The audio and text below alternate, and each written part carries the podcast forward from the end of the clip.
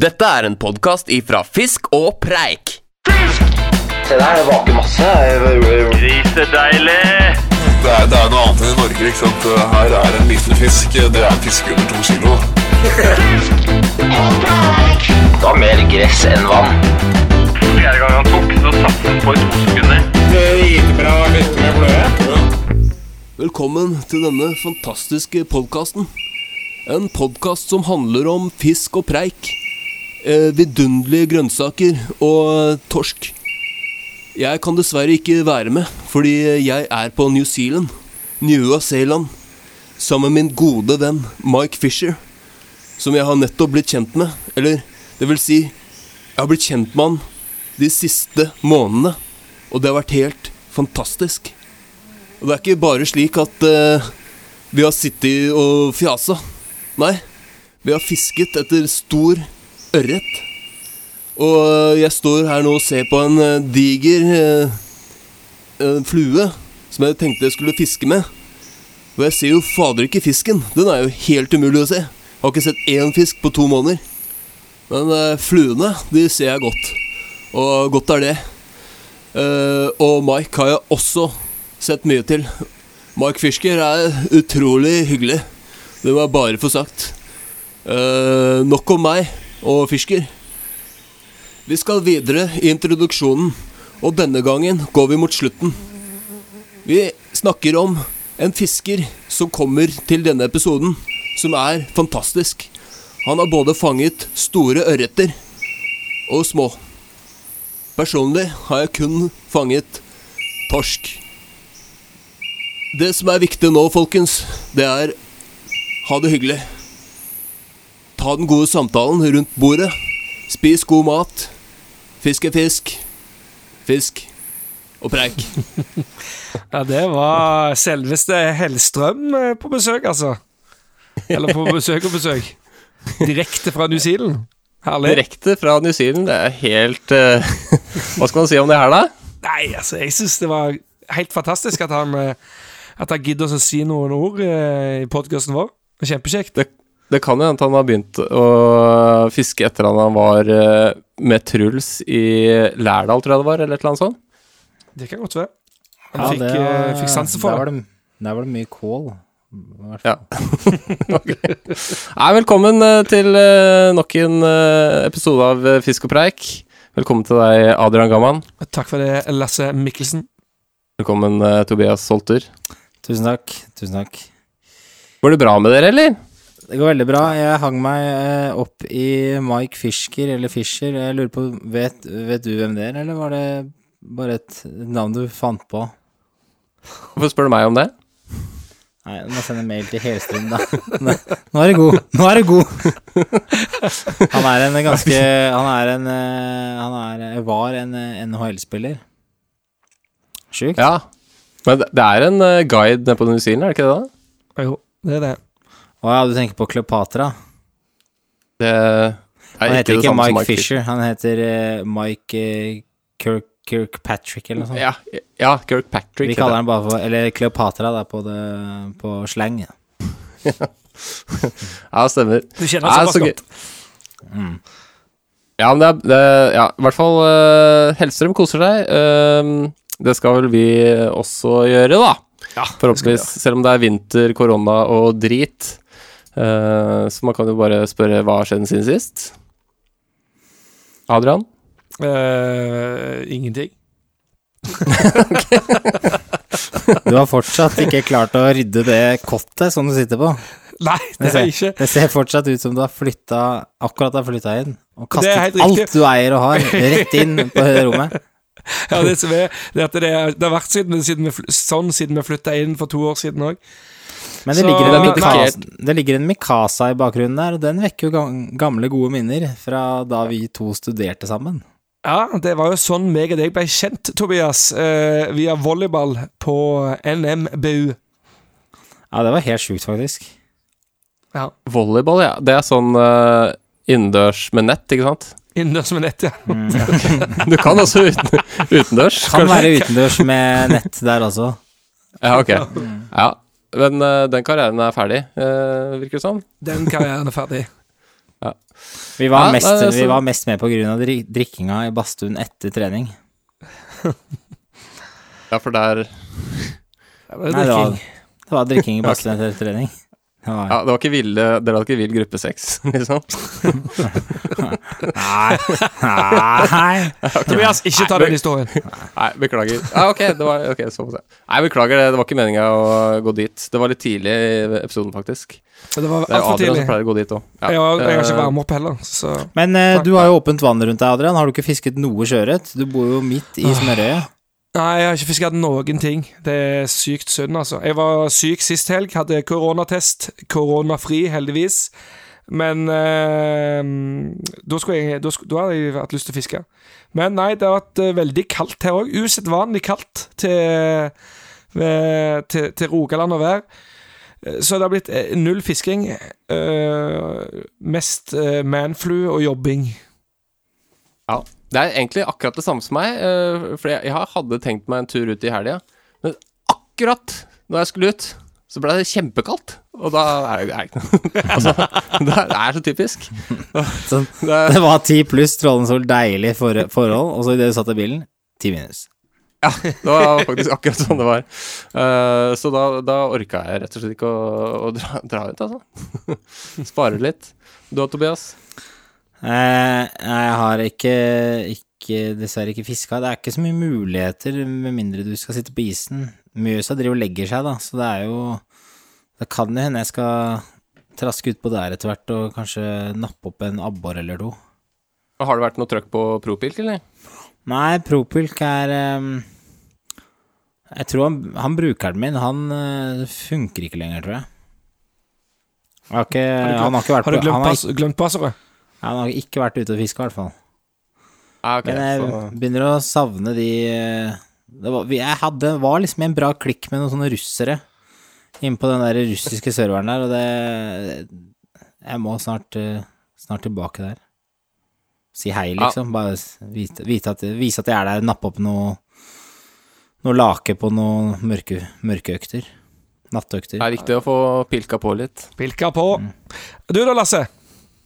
Jeg har vel egentlig Jeg, jeg prøvde jo å snike meg inn der eh, og si at jeg ikke hadde fiska heller. Så mm, ellers i livet så Jeg har jo hatt en uke barne- og konefri, så jeg har vært litt sånn lost, lost eh, puppy en ukes tid. Med liksom rotete leilighet, pizza Grandiosa, stinker sikkert fis i det hele leiligheten. Er det sånn Er det sånn Kona hadde ikke Ja. lagd klar sånn matrester sånn mandag, tirsdag, onsdag i kjøleskapet, liksom, så du bare var Nei, men hun burde ha gjort det. Hun burde ha gjort det, for det, der, er, eh, det er Jeg føler meg jeg føler meg litt ensom. Uh, klarer ikke å ja, Så I dag så er jeg faktisk Eller i går, da, så lagde jeg meg wok. Oi. Og det er uh, første gang på en uke da, som jeg har lagd ordentlig mat til meg sjøl. Ja, men det er ikke så givende å lage mat til seg selv. Nei, det er uh, dritkjedelig. Eh, og det som var litt kjipt med den woken nå, at eh, det er litt Faktisk, grønnsaker er litt viktig i wok. Eh, men i den woken der så var det mer kylling enn grønnsaker, så jeg har egentlig bare spist kylling med saus og ris. Nei, men da er vi ferdige med i matprat for i dag. Da setter vi over til, bak til eh, fisk og preik. Den er grei. Skal vi bare kjøre i gang med mm, dagens episode, da? Nei, dag, dagens gjest, mener jeg. Ja, kjør på med dagens gjest. Vi har gjest i dag, vet du. Det er deilig.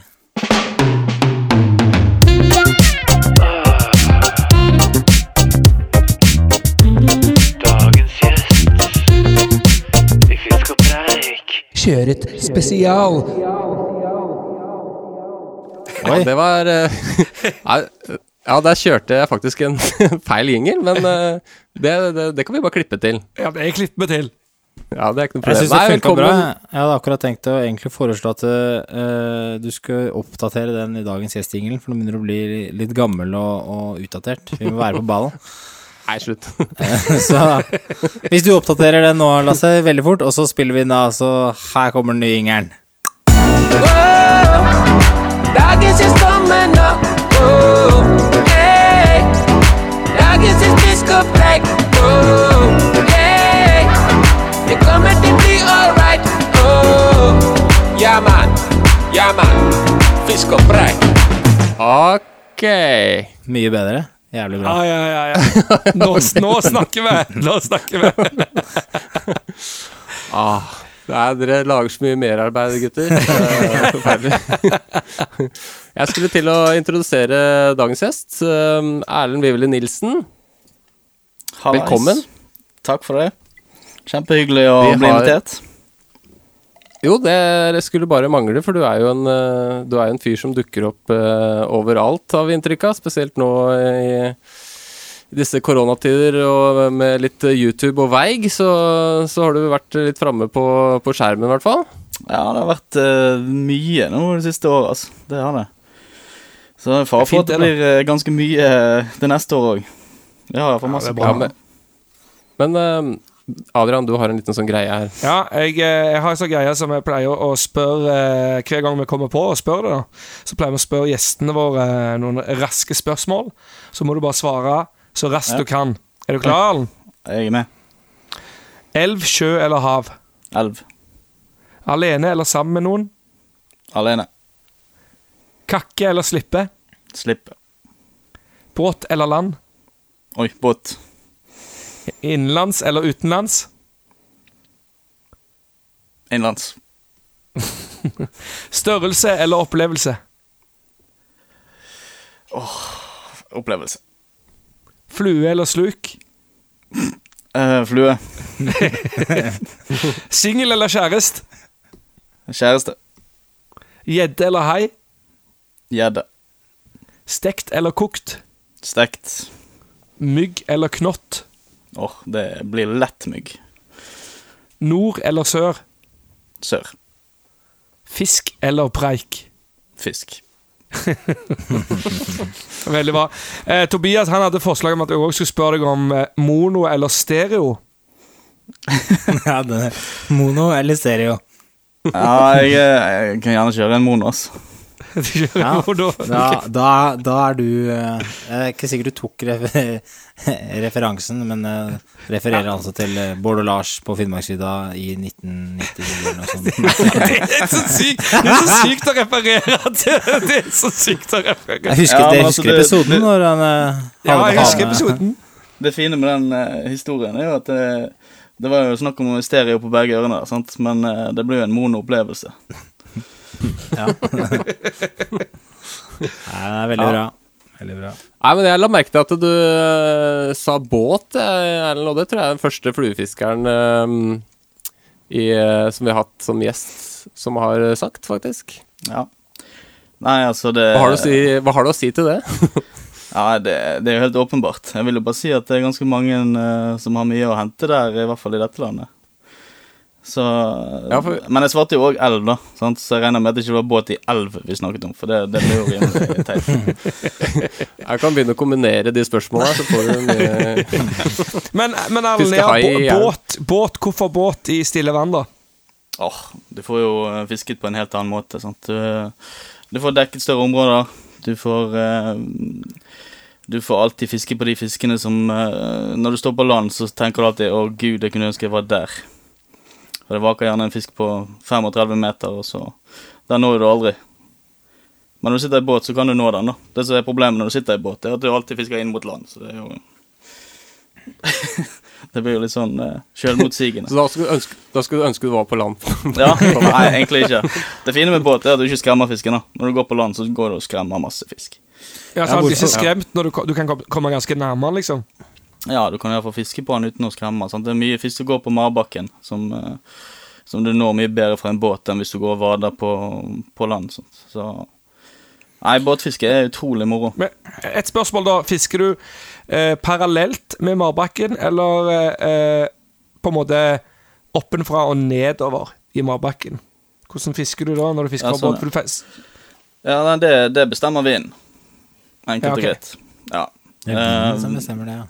Ja, det er det. Du, eh, altså, det ideelle er å dekke Jeg mener det ideelle er å dekke skal jeg si, skrått på marbakken. da. Hvis du kaster langs marbakken hele tiden, så, så kommer du til å skremme ganske mye fisk. Bare med det å legge lin over hele, hele marbakken. Men hvis du de, dekker deler av marbakken, så, så har du liksom sjanse for at fisk svømmer på fluen din uten at du har skremt den før, uh, før du fisker på den. da. Ok, Så 45 grader inn mot uh, Marbanken, det er optimal. Ja, det er hvor, ideelt. hvor fancy båt er det liksom det går i? Er det snakk om liksom sånn GPS-ekko Nei, GPS-anker og ekkolodd og fullt trøkk, eller?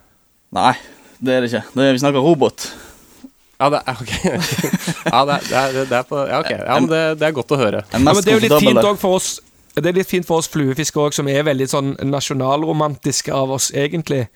Eh, at det iallfall er en, en robåt, og ikke en liksom en båt med full av eh, elektronikk og, eh, og hjelpemidler, da. Ja. Altså, vi, vi hadde et forsøk her i sommer. Eh, Det, det var jo på Mjøsa. Det er kanskje noen som har fått det med seg. Men det, det var faktisk første gang jeg satt i en båt med ekkolodd. Så vi var litt stoket på det å prøve ekkolodd og greier, og lete etter fisk. Men det ble jo bare mer styr enn enn fisk av det. liksom. Det. Nei, vi fant ut at å bruke det vi kunne fra før med å lese, lese vannet i form av windlanes og, og sånne ting, det, det ga bedre avkastning. da.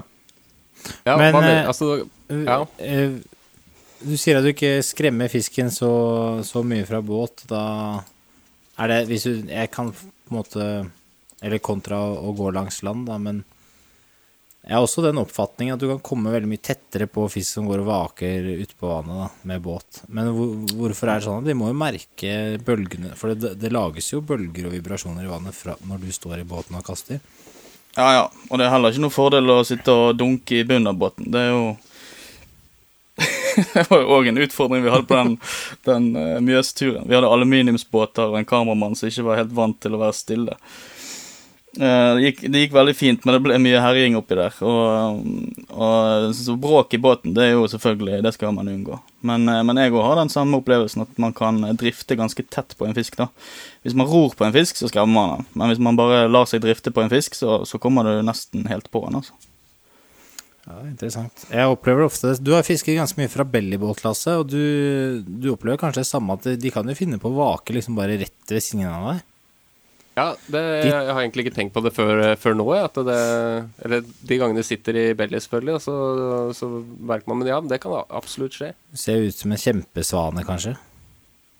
Ja, det Ja, altså, jeg tenker når man går langs land, så lager man jo silhuett, men man gjør i hvert fall det eh, i vannet. Men det er kanskje ikke det at en ser på det som noe Som noe Ja, men du, du havner jo mye lavere òg når, eh, når du ligger i vannet, iallfall i en bellybåt. Så den vinkelen til fisken blir jo ekstrem Du må jo jævlig nærme da for å se silhuetten din. Altså, Ja, du, kan- du kan jo du kan trekke en parallell til elv der òg. Går du på land, så skremmer du garantert fisken mye fortere enn hvis du vader rolig mot fisken. Og Da er du nede i vannet, og det er, altså, det er klart man, man skremmer fisk når man vader òg, men man kan komme mye nærmere fisk hvis man vader smart på den istedenfor å gå smart på den fra land. Det Det du kan alle, gjøre på land, det, du, kan, du kan eventuelt krype innpå. Det funker. det funker. Ja, Nei, men det er sant. Det er, det er, det er faktisk sant. Eh, Men er det hovedgrunnen til at du er i båt, eller eh, er det fordi at du får Har du større mulighet, føler du, eller er det gøyere, liksom? Ja, både òg. Eh, det fins jo et hav av eh, teknikker man kan anvende fra båt, som ikke er så lett å gjøre fra land. Eh, og så er det det at man dekker, eh, dekker utrolig Eller kan ja, dekke et utrolig stort område hvis man har en riktig og fin bris da, som man kan ligge og drifte på. Får, du, får du noe særlig informasjon ut av sånn eh, satellittfoto og sånn? Ja, det, Eller er det noe du benytter? ja, ja, ja, ja. Det, det får du jo. Du får jo kanter og grunner og sånt, sant, så lenge man kan se det på, på foto. Så Mm. det er alltid et fint, eh, fint hjelpemiddel sånn sett. Mm. Og så er det jo andre ting man kan gjøre når man sitter i båt. Sånn, mange steder, mange viker og bukter er jo utilgjengelig fra land. Eh, og, hvis man har temperaturforskjeller i vannet si tidlig eller seint på sesong, da, så, eller faktisk også midt på sommeren, hvis du har eh, Hvis du har Si du har veldig varmt vann, da, og så har du noen steder av vannet som ligger i skygge, fordi at det er såpass bratt berg eller hva som helst. Så er jo sannsynligheten for å få en del mer fisk der temperaturen er nærmere ørretens trivselstemperatur, mye høyere enn hvis du skal sitte midt utpå der som det er grisevarmt i vannet, liksom. Så du har en del sånne fordeler når du sitter i båt. Du kan rett og slett lete opp fisken på en annen måte og finne, finne de mer riktige forholdene enn hvis man bare må gå for en tvungen plass på land. Nå kommer det store eh, spørsmålet, tusenkronersspørsmålet. Det er jo Erlend, har du Har du egen båt? Jeg har egen bellybåt. Nei, jeg har ikke det. nok. Jeg har ikke det. Men du kan eh, få lånt båter eh, veldig mange steder i, i Norge. Det er utrolig mange hyggelige grunneiere òg som har masse båter som de, de bruker lite. Så, så er flere ganger jeg har spurt grunneiere om jeg får låne en eller leie en båt. Og, og det er mange steder òg der, de- der de leier ut båter i forbindelse med fiskekort og sånne ting. Da. Så, så det er absolutt mulig å komme seg ut på veldig mange steder rundt omkring. Mm. Jeg har fisket altfor lite fra, fra båt. Uh, Jeg føler dette her er veldig sånn Det er gjeng, det er en gjenganger når vi får besøk av eh, Eller får besøk. Det er sånn der ah, Jeg må begynne å fiske mer fra båt, eller ah, jeg må prøve å fiske litt mer eh, etter den arten, eller det eller det. Det er sånn, altså, jeg tror ikke vi utnytter? Jeg tror ikke vi utnytter fisket vårt eh, optimalt, da, for å si det sånn. Nei, det, det kan du godt si. Nå datt faktisk eh, Erlend ut her bitte litt. Så, Nå, nå er jeg på ja. fra, fra discorden. Skal vi se om han eh, dukker opp igjen. Der, der dukka det opp igjen. Ja. jeg vet ikke hva som skjedde. Plutselig bare forsvant alt. Sånn er det. Teknologi, det, det funker aldri når det skal. Tror du hadde Men full opptaket kontroll? går. Opptaket går. Opptaket Ja, til eh, alle lyttere, så sitter vi eh, fire forskjellige steder i, i landet, sånn at eh, vi er litt spente på, på resultatet sånn lydmessig. Men vi tror det skal bli bra. Men tror, det tror vi skal bli veldig bra. Vi sitter i Oslo, Lillehammer, Bergen og eh, Sandnes. Ja, og den gangen her så Vi hadde jo en uh, mic ekstra, så da, da fikk ja, Det var du som hadde den, Adrian. Ja. Så du sendte den uh, rett og slett til uh, Erlend. Så det er veldig sånn koronavennlig og egentlig litt sånn nytenkende Korona. det. Korona. Nei, men Skal vi gå videre? Uh, det, vi hadde jo lyst til å snakke litt med deg òg, Erlend, om, uh, om konkurransefiske. Ja. Ja. Ja, vi må og snakke litt om, om Mjøsa først, for jeg, liksom, jeg føler at det er min bakgård, da. Litt, litt Tobias, kjør. Ja. Kjør, kjør, Mjøsa. jeg, jeg har masse spørsmål. For dere dro dere, dere dro, ikke sant? Ja, fy faen nå, gutta. Nå gjelder det. Nå drar vi på Mjøsa, setter oss i båten ut der og begynner å denge, og nå skal vi få svær ørret på flue. Men hva Ja. tenkte dere etter, eh, etter den første halvtimen? Når det, for det er jo det er mye vann. Det er jo mye Ja. fisk der òg, men eh, det er, jeg, har jo jeg har fisket en, en eh, Jeg tror jeg har kanskje 18 timer eller noe sånt da, fra land med flue, og det jo Det føles jo he helt håpløst. Ja. Men det er kanskje, kanskje mer håp fra båt. Ja, det vil jeg tro. Eh, I hvert fall hvis du har riktige forhold. Men eh, det er jo faktisk ganske godt beskrevet på denne episoden vår, da. For eh, faktisk når vi, når vi akkurat Ja, det er omtrent en halvtime etter vi har startet fiske, så sier jo Cato René faktisk Det er så rart det vi holder på med nå. og det var akkurat sånn det føltes. Det føltes jo utrolig rart å stå der og holde på med det vi, vi holdt på med. Men samtidig så det var liksom en sånn der uh, greie at hvorfor i all verden skal ikke det gå? Det går ørret og jakter høyt her. Um, De fanger massevis av ørret på disse her uh, trollingturene sine. Og de fanger de høyt i, høyt i vannet, så selvfølgelig er det mulig å fange det på flue. Det var jo eh, det, var jo det vi tenkte, at det, dette er jo ikke noe problem. Det er bare å investere nok timer, så går det fint. Men dere gikk med synk 5, 3 og, og intermediate. Ja, jeg var på synk 7 en stund òg, i desperasjons... Uh, når solen kom opp, så det var langt nede. Men, eh, men ja, vi, vi, vi dekket jo stort sett hele vannsøylen, i hvert fall i øverste femmeteren. da. Det gjorde vi. Ja. ja, for du mener om- synk syven går ned til fem meter cirka? Ja, det kan gå så langt du vil, men uh, vi har ikke Ja, ja. tid å vente så lenge. Men ja, vi fisker effektivt, i hvert fall ned til fem meters dyp. Ja. Jeg bare spørre om Jeg syns det er litt sånn artig med sånn synklinje, for jeg, jeg syns ikke det er så lett å få tak i. Kanskje spesielt uh, når du begynner å Ja, eh, generelt, kanskje. Men uh, hvor, hvor får man tak i bra, bra synklinjer og sånn Jeg vet ikke om det fins mer til femmer og sekser enn kanskje til sånn åtte-ni og sånn. Ja, det er nok Omvendt, riktig. ja. Eh, det er veldig Eller du, får en god del i åtte òg, men eh, du får eh, helt klart tak i mest i klasse seks og sju. Så, så det er jo det som er på en måte stillevanns... eh, hva skal jeg si klassen, da. Som jeg vil anbefale, i hvert fall her i Norge og Norden generelt.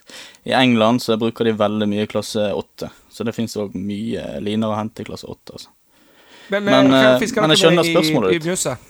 Hva sa Hva, du? I Mjøsa, I Mjøsa, hva fisker dere med der? Hva klasse?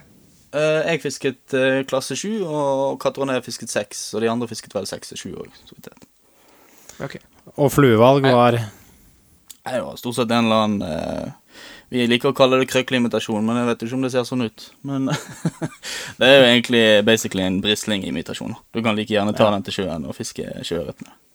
Det ser ganske Jeg har sittet på lab i dag skjønner du, og, opparbeida flere hundre krøkler, så det ser ganske er Litt slankere, men, eh, Ja. men det treffer ganske bra. Ja. Eh, men dere sto mye sånn midtfjords og sto og denga. Dere, jo, dere jakta jo liksom ikke langs land, og da, da Det er jo lite å gå etter, da. Bare, men brukte dere ikke ekkoloddet noe særlig da? og Så etter Jo. Vi, vi brukte ekkolodd ekkolod, ganske Jo, vi brukte ekkolodd ganske mye. Vi, eh, vi prøvde jo å lete etter disse her krøklestimene, eller baitfish-stimene og. Så vi hang oss jo veldig opp i det. da, og Her er det mye baitfish, her må vi fiske, liksom. Og styrte på noe voldsomt. Men så så jo vi litt på trollingbåtene òg, må innrømme det. Vi så jo litt på hva avstander de lå på, og hvilke linjer de, eh, de dorget rundt i. Så vi prøvde å bruke alle indikasjoner vi kunne få. Eh, det letteste var jo når vi fikk litt bris på overflaten. Da, får du, da får du windlanes, og da får du på en måte sånne strøm, ja, kall det strømkanter, da, som du ser i, i vannet med sånne blanke felt. Og det å ligge i disse windlanesene, det er jo alltid, alltid et triks i, i stille vann. For det, det samler seg mye mat i disse strømkantene. Så, og her, her kommer ørreten forbi uansett. Ligger du da altså på det blanke, eller eh, Ja, er det det er egentlig ett fett. Så lenge, fisker over det blanke, liksom? ja, det er ett fett, så lenge du er i nærheten. Altså, Ja, okay. Så lenge du får kastet inn og over disse strømkantene, så er det nærmt nok, liksom.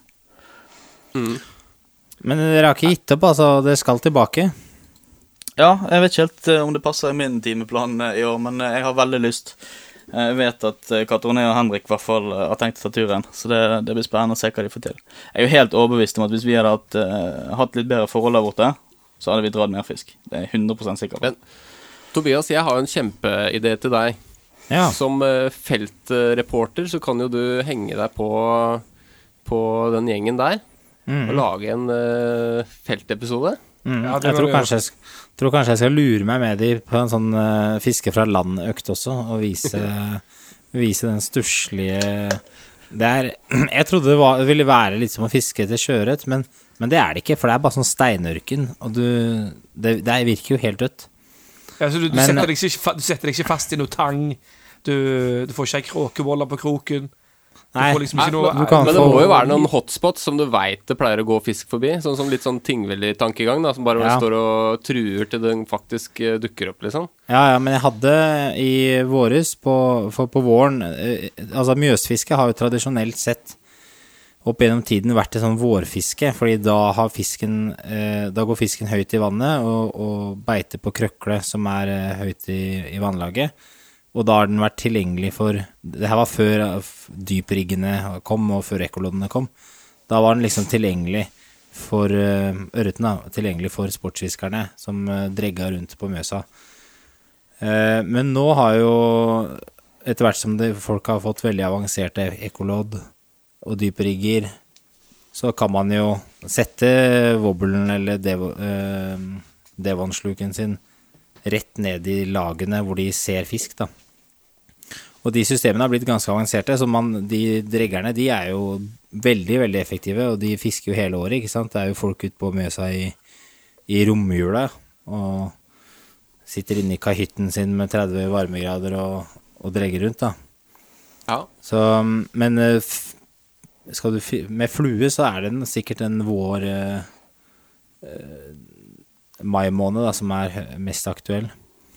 Så jeg var jo det ble, Jeg vet ikke om du fikk med deg det, Erlend, men det var, eh, den, å fiske fra land ble jo en ganske sånn stor greie her oppe i Lillehammer-området i våres. For da var det Det er noen sånne ihuga karer som brukte en del tid, og de fikk ganske mye fisk fra land, da. Ja. Så, så eh, han ene, han, han tror jeg fikk eh, Var oppe i elleve stykker eh, før eh, Altså tidlig på sesongen. Fikk fisk på 7,5 kilo og sånn, da. Det er spinn, da. Ja. Men eh, jeg så fisk på over to som hoppet klar av vannet fire meter fra land. Og det er under eh, Når krøkla gyter, kommer helt innpå De har jo yteplasser forskjellige steder, men da det samler seg jo helt enormt med krøkla inne, ved, inne ved land. Ja, ja. Folk går folk går jo med håv, og håver krøkler langs land. Det er, det det er helt sjukt. Men eh, er, da, da tenker jeg at da er det mulig å ta de fra land med flue, da. ja 100% mulig. Helt sikkert. Du må bare, Men, eh, jo bare, bare ha jævlig god tid. enten ha jævlig god tid, eller ha litt flaks. Mm. Det er litt sånn som sjøørretfiske. sant? Altså, det å jakte på de store eh, Altså det å jakte på de store sjøørretene altså Når du fisker mye sjøørret, sånn som jeg gjør, så er det jo veldig ofte at du får fiske opp til 60 cm, og av og til 65 sant? Men, men når, eh, når du skal begynne å ha disse sildejegerne som stort sett følger eh, havstrømmene eller sjøstrømmene og går 50-100 meter fra land stort sett hele tiden de er i sjøen, så er det ganske sjelden du får de på kasthold. Mm. Eh, og det tipper jeg er ganske, ganske likt med Mjøsa der, sånn sett. Mm. Det er veldig spennende. Vi, eh, skal vi forlate Mjøsa litt, Men, men vi må, jeg, må, jeg må nevne at vi hadde jo Vulgata utpå der, da. Ja, det er ganske bra med vulgata, skjønner du. Jeg, jeg mistet jo en ørret etter jeg kastet på et uh, Vulgata-vrak. Jeg mistet jo faktisk to fister som, eh, som hadde på uh, litt. Grann. Og den ene, den, eh, den kastet jeg på han satt, Jeg satt og så på en Vulgata. Og så plutselig forsvant han i en ørretkjeft, og da fikk jeg kastet på den. Og den, eh, den beit i meg en gang.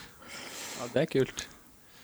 Dæven. Ja, Jeg har vært på tanken om å, om å dra ut på i Vulgata-tida, men jeg ehm, Jeg har gode Jeg har liksom ikke observert noen sånne sjuke klekkinger av vulgata der ennå, men du, det kan jo fint Hvis man gjør litt research, så kan det du finner noen plasser hvor det hoper seg litt opp og Ja, men det er sikkert noen er grunner som produserer mer da, enn andre plasser. ja, Det liksom. er jævlig lite grunner i Mjøsa, egentlig. Det er jo sånn trau. Så det er jo mellom Hamar og Gjøvik, eksempel, så er det jo Det er jo bare dritdypt. Det er er, jo noen, det er jo noen sånne gruntområder da, langs med noen bukter og viker og sånn, hvor, eh, hvor det sikkert eh, kan klekke litt større mengder. Da. Ja, helt sikkert. Men du ser, eh, jo, du ser jo For noen år siden så var det jo en som publiserte en film eh, under eh, fra Jeg vet ikke hvor det var, men jeg tror det var, jeg tror det var rundt Helgøya et sted, eh, inn mot Furnesfjorden. Av ørret som gikk og beitet på fjærmygg, og det var jo Han hadde jo kjempetelelinse, men det var svær fisk som gikk og spiste fjærmygg, så ah, ja. du kan jo spørre deg hvorfor ørret på fire kilo går rundt og spiser fjærmygg når de kan fråtse i krøkler, men jo Fjærmygg er det beste de vet. Det er sikkert gøy for de å vake litt og De savner Ja, men det er tror, du det. at de syns, tror du at de syns det er gøy, liksom? Bare sånn, å, De savner, liksom. eh, savner oppveksten, kanskje, når de sto på elva og Ja, kanskje det er sånn oppvekstminne. Det er bare Ja, ja. sånn en refleks, liksom. Da, da sto de bare og spiste små små, småkryp. Ja, det er sånn skittles for dem. Nei, Men det er jo ingen hemmelighet, altså. Møsa. Ja, vi må gjøre det. Men fjærmygg det er, jo, det er jo en av de viktigste grunnene til at jeg elsker stillemannsfiske. da. Det må jeg bare si. Det er helrått fiske på våren. Og det det er ikke off. Nei, det er ikke sjelden at jeg ser på svær fisk som går og ruller på, på de store fjærmyggene. da. Og da snakker vi fisk på tre-fire kilo som går og, og beiter helt normalt. Som altså fisk du aldri skulle tro gadd å vake på små insekter. Men fjørmyggen trekker de opp, altså. Ja, men da kommer vi en tur sånn eh, på vårparten. Kjør. Vi må hente den mikken, vet du. Så det er eh, Ja. Ja, Jeg henter den sånn i begynnelsen av april, da. da. Ja, Ja. Da, da henter vi den. Er men vi må ferdig. prate altså. om eh, vi kan, nå, nå må vi gå videre fra Mjøsa. Ja, vi snakka i ti minutter om Mjøsa. Kom igjen. Tobias går i fyr og flamme. Men eh, ja eh, Gamman, du kan jo kanskje Du hadde Ja, vi, vi begynte jo å snakke litt om det. Konkurransefiske. Det driver jo du på med, og det, det har du holdt på med i mange år. Hva er greia? Oi, ja eh, Greien er faktisk veldig stor. Han er veldig mye større enn han er i Norge. Men jeg har holdt på med konkurransefiske aktivt siden jeg var 14. Så det blir jo plutselig 20 år. Ja. Så kan folk få lov å regne på det. Men, eh, men uh, konkurransefiske er for meg utrolig spennende. Vent litt, da var jeg ferdig å regne. Det var, da er du 34 år, da. Korrekt. Korrekt. Nei, det er utrolig spennende. Man møter uh, helt fantastisk flinke fiskere. Man, uh, Man får reise til fantastiske fiskedestinasjoner. Man får òg reise til mindre fantastiske fiskedestinasjoner. Men eh, det ja, Si det sånn at eh, du utvikler iallfall fisket ditt på en måte du aldri ville klart å gjøre foruten. Så, så konkurransefiske har blitt en sånn uh, greie jeg gjør. Men det skal være sagt, jeg, eh, jeg har ikke konkurranse på alle turer. Det er en del kompiser og andre folk som absolutt på død og liv skal konkurrere hele tiden. Jeg får på en måte min konkurranse gjennom disse konkurransene, da. Og, og resten av tiden, den, den bruker jeg på å fiske eller uh, pønske på nye ting. Ja. Men eh, hva eh, Ja, la. Ja, kan ikke du bare forklare liksom eh, kjapt hvordan eh, Det er sikkert ikke alle som vet hvordan en konkurranse foregår, inkludert meg selv. Eh, sånn ja, fra A til Å, da. Ja, jeg kan prøve å ta det i sånne enkeltrekk, i hvert fall. Det er jo, det er jo ikke Altså, det er veldig satte regler. eh, og det er For å si det sånn, regler er satt for at det skal være mest mulig rettferdig for alle mann som deltar. Eh, vi snakker om fisking, så det, det er alltid variasjoner ut ifra områder og sånn, men, eh, men reglene er satt, og, og konkurranseformen er satt slik at det skal være så rettferdig som mulig, da. Eh, det handler jo i bunn og grunn om å, å fange mest fisk. Det er det man får poeng for. Man får, eh, man får poeng for en fisk over et visst minstemål, og så får man tilleggspoeng per centimeter over minstemål. ja. Og så uh, Ta Norgescupen, nå. Den er ganske simpel, hvis jeg kan si det sånn. Uh, vi har internasjonale regler på det, så det er veldig bra, men, men vi har tre økter. Det vil si tre, tre timers økter. som foregår da i tre forskjellige områder. Så før konkurransen da, så deles det opp i tre, tre grupper. Gruppe A, B, C. Og så trekkes på en måte utøverne inn i, i hver gruppe, og så fisker gruppe A på sektor 1, og gruppe B på sektor 2, og gruppe C på sektor 3, som er tre forskjellige områder. da. Og så, etter første økt, så går den ene gruppen til neste område, og den andre gruppen går til det andre området. Til slutt så har alle vært rundt på alle tre forskjellige områdene. Det, det er helt klart uh, en fordel å være først på Eller få det beste stedet først, på en måte, da, eller? Kommer an på hvor god du er å fiske. Har, du, har du noen gang opplevd liksom å ha kommet som nummer to på en plass, og så er det bare De fikk masse fisk, og så har det vært helt dødt når dere kom dit, måte, for de har vært så gode, liksom? Eh, Jeg opplevde det i VM, ikke i Norge. Altså ikke på ikke Norgescup, men jeg opplevde det i VM, ja. Ja. Eh, Det er ikke noe greit å komme etter en franskmann eller tsjekker. Det er ikke noe kult. Hvordan tilnærming har de på fiske i forhold til eh, Eller har de endra noe på fisket ditt, liksom? Hva tenker du på de utenlandske? Fiske, ja, litt fisketeknisk, eller hvordan de ser på fiske Eller hvor, ja, fisketeknisk, da. Ja, ja, for, ja, i veldig stor grad. Um, altså gjennom internasjonal deltakelse, som jeg har nå Jeg har vel tolv VM eh, pluss et EM og litt andre internasjonale konkurranser i tillegg, og det er jo her man lærer å fiske. Altså, utvikling i Norge det, Selvfølgelig utvikler vi hverandre, men det er den inputen som kommer fra den store verden, som, som faktisk gjør en veldig stor forskjell. Kan Og du husker liksom hva som var den liksom, største aha-opplevelsen, eller om du har hatt noen sånne voldsomme Shit, det har jeg aldri tenkt på, eller det var genialt. Uh, ja, vi kan eh, prate om nymfefiske der, altså. For, eh, for eh, Altså, det blir kalt mye rart eh, i Norge. Det blir kalt uh, kortlinjefiske, og det, det blir kanskje kalt mest tsjekkisk nymfeteknikk. Eh, Jeg blir helt eh, matt hver gang jeg hører det, for tsjekkisk nymfeteknikk er det ingen som driver med lenger. Det var noe jackerne drev med tidlig på 90-tallet, sant, og videreutviklet det ganske fort til det som nå kalles for eller det ble kalt French nymphing, og egentlig så er det bare europeisk nymfeteknikk, for det, det, det sklir utover i hverandre. Men, eh, men den nymfeteknikken, den, eh, den tok vi tak i sånn skikkelig her i Norge i begynnelsen av ja, 2003-2004. Begynte å forske masse på det. Hadde det dritfett med de teknikkene som vi trodde de brukte i utlandet. Eh, realiteten var at de var allerede kom ti år lenger enn oss. så når vi holdt på med sånn catch-up game der, så hang vi alltid veldig langt etter. Eh, så det kom vel egentlig Det var vel egentlig i 2012 at vi oppdaget mer eller mindre hva de faktisk holder på med. Og det er jo det som nå kalles for eh, den moderne europeiske nymfeteknikken. Eh, Ja. Så det er på en måte bare en ny måte å rigge på som gjør det mer eh, hva skal jeg si, fleksibelt ut ifra hvilke elvetyper man fisker osv. Hva er det, da? Nå er jeg Hvordan ser en, en sånn typisk rigg ut? En typisk rigg ser ut uh, Det kan sies, det er veldig mange måter å sette det opp på. Det, det er alltid litt sånn individuelt hvordan folk liker å ha det. Men jeg kan, jeg kan ta min rigg, da, så i hvert fall uh, får vi delt den. Den er jo Du har en, eh, du har en stang, en ganske lett. Klasse, Stort sett klasse 3, og gjerne 10 fot. Du har en veldig tynn line, en line som er en spesiell nymfeline, rett og slett, som er ikke kastevektig. Men, eh, men den er designet veldig lett og veldig tynn for at den ikke skal gi noe uh, altså sag eller drag i, uh, i nymfene dine. da. Så tyngdekraften ikke skal påvirke driftet ditt, rett og slett. Mm. Fra nymfelinen så har du en, en fortom ned til en, en farget monobit. Denne fargete monobiten, den, den har vi for å indikere takes, og for å se hvor vi plasserer fluene våre. Ja, vi bruker den ganske mye, da. Eh, Som rett og slett indikasjon på hva vi sjøl holder på med. For noen ganger har du et vanskelig lys i elven.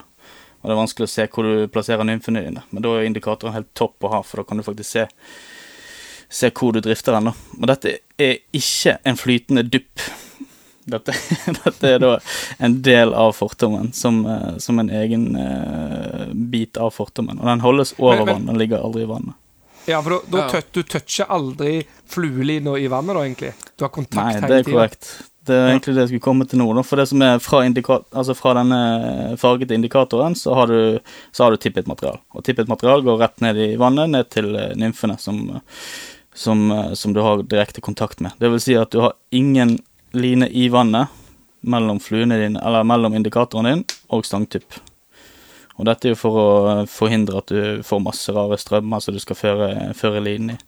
For det vil jo alltid påvirke drift. Men da står du ganske eh, tett på fisken eh, til enhver tid, da. Står veldig tett på fisken, og det er jo en del av eh, det som er mest kult med det, faktisk, er at når du får et take på, på den teknikken og setter et tilslag, så er du liksom bare i 100% kontakt. Altså, det er så umiddelbar action at ja, det er vanvittig moro. Og, og bare det, den taktiske tilnærmingen, fordi at du må såpass nærme, er jo faktisk en, en stor del av, av moroa, da. Det er, en, Men, det er eh, en måte å angripe harr, det er jo ganske lett, men eh, å angripe ørret er jo mye mer krevende og mye kulere å fiske. Men hvis du eh, sier at du har et strekke på, på ti meter da, som eh, ser veldig giftig ut, så vil du med denne riggen fiske deg over, og så ta ett skritt kanskje, forsiktig oppstrøms, og så fiske deg over, og så jobbe deg sånn opp.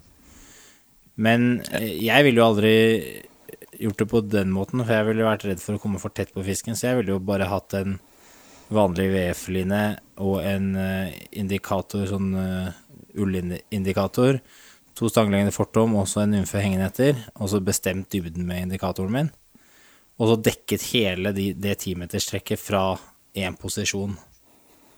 Hmm. Eh, hvorfor er det så mye Hvorfor er det Hvorfor er det så mye Hvorfor er det så mye dårligere? Det må jo være mye bedre. Nei, det er ikke mye bedre. Men det er, det er mye lettere. Det er det. Eh, jeg pleier å si det til ja, Jeg har alltid noen som spør veldig mye om dette. her. Hvordan, eh, hvordan kan du få så mange fisk på en sone?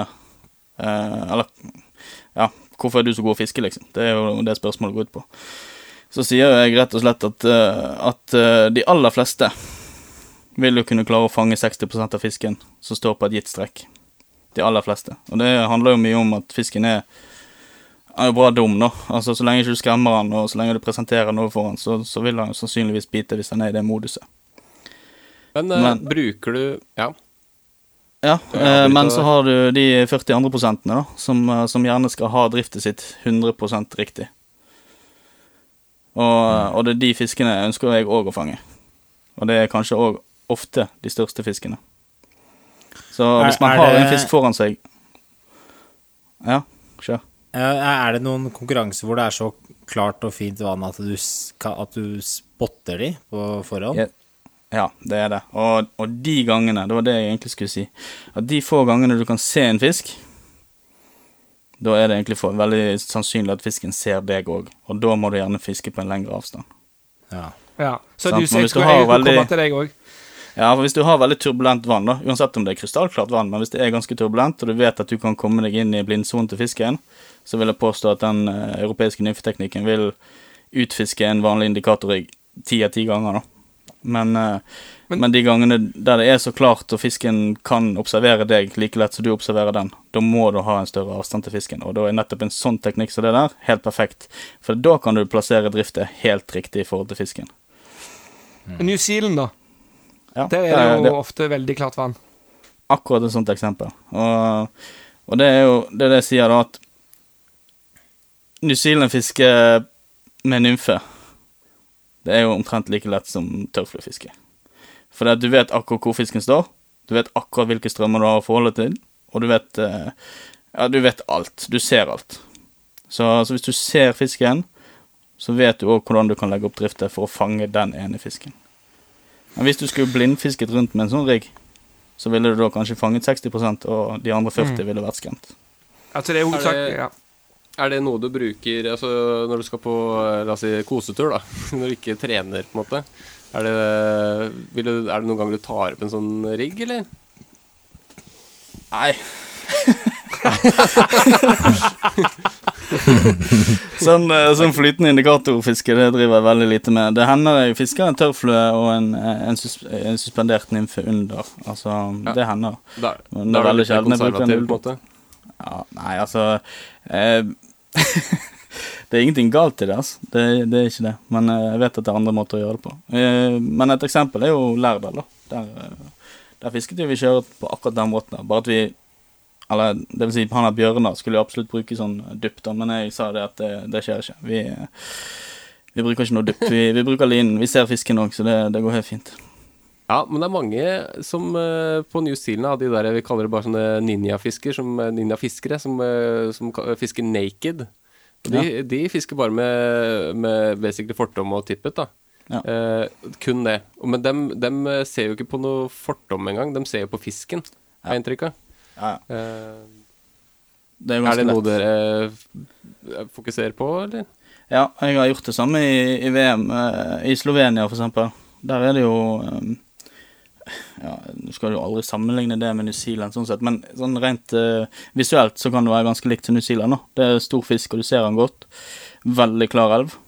Uh, og der fisket jeg jo akkurat sånn som det. Eh, kun la opp fortom eh, og brukte linen som indikator eh, hvis det var mulig. Men hvis det ikke var mulig, så brukte jeg fisken som indikator. Det vil si, så jeg at han gikk til siden, så visste jeg han tok nymfen.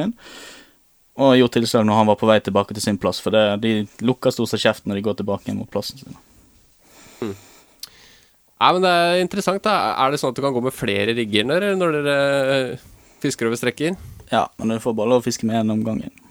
Ja, det Du kan gå i land og bytte stang, liksom, og så gå ut igjen. Ja. Hvis ikke Ja. En klassisk eh, elvøkt, rigger er tre stenger. Er det noen begrensning på antall fluer du kan ha? På Ja, det, det, det går stort sett på lokale regler. Uh, ifølge FIPS, eh, altså Det internasjonale forbundet, så er det maks uh, tre fluer. Men, men det er av og til lokale regler som sier at vi bare har lov å bruke én, eller bare har lov å bruke to. I Slovenia var et eksempel på at det var bare lov å bruke én flue, f.eks. ja. Men har du noe preferanse? Ja, jeg liker best å nymfe med to. Ja. Eh, hvis eh, strømmen tillater det. Eh, det kuleste er jo når du får grunnere strekk der du kan fiske én, eller pocket water der du kan fiske én nymfe. Det er utrolig kult. Da er det en fordel å gå med én kontra to. Eh, så tørrfluefiske. Hvis det er døgnfluefiske, så er det uansett bare én. Eh, du vil aldri ha to fluer som ligger og påvirker hverandre i forskjellige strømkanter. Mm. Caddisfiske så hender det at vi bruker to for å påvirke de to fluene så de ligger litt levende og, og spreller litt hver for seg. Da. Det kommer an på fiskesituasjoner, egentlig. Vi har mye å lære vi tre. Ja, man vil lære. Men dette er jo konkurranse. Privat, da. Altså, når du bare fisker for å kose deg, liksom. Fisker Ja. du, eh, når, når du fisker nymfefiske, da, fisker du med, helst med tre, eller én eller to, eller Når fisker det som forhold jeg syns det er smartest at jeg fisker med. Jeg, eh, jeg hadde jo en nymfeøkt nå i helgen, faktisk. Eh, Og da, da fisket vi singelnymfe. Fordi at Ja. eh, vannstand og, og måten fisken tok på, egentlig bare tillater at eh, du kan fiske med en, egentlig. Ja, Var det så stille vann, da? At hvis det er rolig, stille, flytende vann, liksom, så Ja, ja, og så tar fisken veldig forsiktig nå. Det er jo kaldt, sant, og, og fisken tar utrolig forsiktig. Hvis du har to nymfer, da, så har du, har du potensielt, potensielt sett to fluer som ligger og drar litt i hverandre i to forskjellige strømkanter under vann òg, sant. Og du vil gjerne miste kontakten med en av de. Men, eh, men nå fisket vi en nymfe for å ha full kontakt fra indikator direkte i den ene fluen fisken kunne bite på. Det var én ting jeg lurte på eh, når det gjelder konkurranse, da. Er det, er det forskjellige grener? På en måte Er det en nymfegren, en streamer, en tørrflue, en Nei, det er bare én. Det er bare én. Det er én. Og det er jo rett og slett eh, litt kult, fordi at eh, det blir 100 opp til fiskerne å velge riktig taktikk og teknikk. Så, så hvis du skulle tvunge fiskeren til å, til å ta valg, så, så blir det styrt på en annen måte. Men, men eh, ja, ikke sant. Det skjønner jeg. Men er, er det noe sånn stafett eller noe sånt? Eller er det, Fins det noe sånn Eller er det for det stilpoeng? Nei, men det burde vi fått, for da hadde Norge skåret bra. ass. Ja. Vi, vi, kast, vi det. Er det, kom- altså, er det kommentator? Det lurer jeg på. Uh, de har kjørt litt sånne live-greier på noen konkurranser, men det er jo, det er jo altfor lite dekning på dette, mener jeg. da. Uh, du kan jo se til eh, Internasjonale Skiforbundet, som har fire millioner eh, medlemmer, eller hva det er for noe. Så har du Internasjonale sports- eller Konkurransefiskeforbundet, som er alle grenene, som er 52 millioner medlemmer. og sånt. Så, så det er jo mye større enn det den omtalen i hvert fall får i Norge. da. Ja, det er sykt. Eh, hva, eh, når vi snakker om det, eh, hva, hva pengepremier snakker vi om? Eh, Eller er det pengepremier? Nei, ikke i VM og EM, det er det ikke. Det er heder og ære og, Ja. og den type ting. Men du kan jo få ganske mye ut av det etter hvert. Men, men pengepremier, det kan du få i, i mer sånne private og andre arrangementer. Okay. Det, er mye, det er mye konkurranser som ikke er Altså ikke er Fips Mors som holder, for å si det sånn. Foregår det kun i elv? Nei. Eh, Det gjør det ikke. Det, det skal jo kåres den beste fluefiskeren, og ikke nødvendigvis bare den beste elvefiskeren. Så, så det er sånn standard så er det én båtøkt og fire elveøkter, men veldig ofte er det to båtøkter og tre elveøkter i, i VM, da.